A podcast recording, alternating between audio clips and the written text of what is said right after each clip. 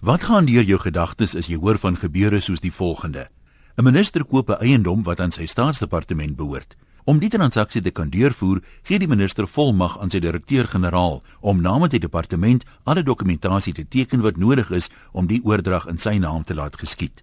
Om een of ander rede word dan nie deur onafhanklike waardasies bepaal wat die realistiese markwaarde van die eiendom is nie. Stilweg word die eiendom in die minister se naam geregistreer.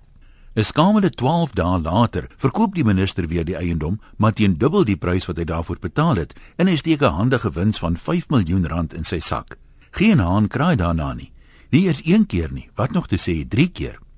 Maar 'n paar jaar later kom die transaksie egter onder die pers se aandag en hulle begin berig daaroor dat daar ooglopende botsing was tussen die minister se persoonlike belang en die van sy staatsdepartement. Voorspelbaar genoeg verdedig die departement die transaksie en sê dat die portefeulje komitee wel bewus was daarvan al moes die minister en sy adjunk eintlik albei saam die volmagdokument onderteken het. Om een of ander rede het hulle die belangebotsing egter heel normaal gevind. Hulle weier egter om enige dokumentasie of notules van hulle besprekings bekend te maak. Die minister glimlag en beskuldig die pers daarvan dat hulle weer net sensasie soek. Hy kan mos nie help dat Jesus hom so seën nie. Nie die minister of die staatsdepartement wil egter reguit sê hoekom die eiendom teen die helfte van die markwaarde aan die minister verkoop is nie.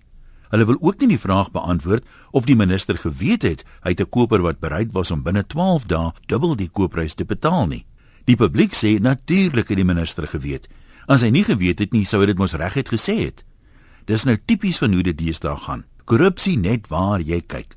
Sulke onetiese optrede behoort deur die openbare beskermer ondersoek te word en die minister behoort die eerbare ding te doen en te bedank. Klink dit bekend? Hoe sou jy as lid van die publiek hierop gereageer het? Is daar iemand wat die transaksie sou wou verdedig en saam met die minister dankbaar wees dat Jesus hom so seën? Nou watter verskil maak dit as 'n mens presies dieselfde feite toepas op ander rolspelers? 'n Mens behoort sulke gevalle tog konsekwent te beoordeel of hoe? Sê nou jy vervang die staatsdepartement met 'n kerk en die minister met 'n pastoor. Die enigste ekstra vraag is of die pastoor darm sy 10de daai maand met 'n half miljoen rand verhoog het. Kerke het egter nie 'n openbare beskermer nodig nie. Jesus sal self eendag in die regterstoel sit en ons almal oordeel.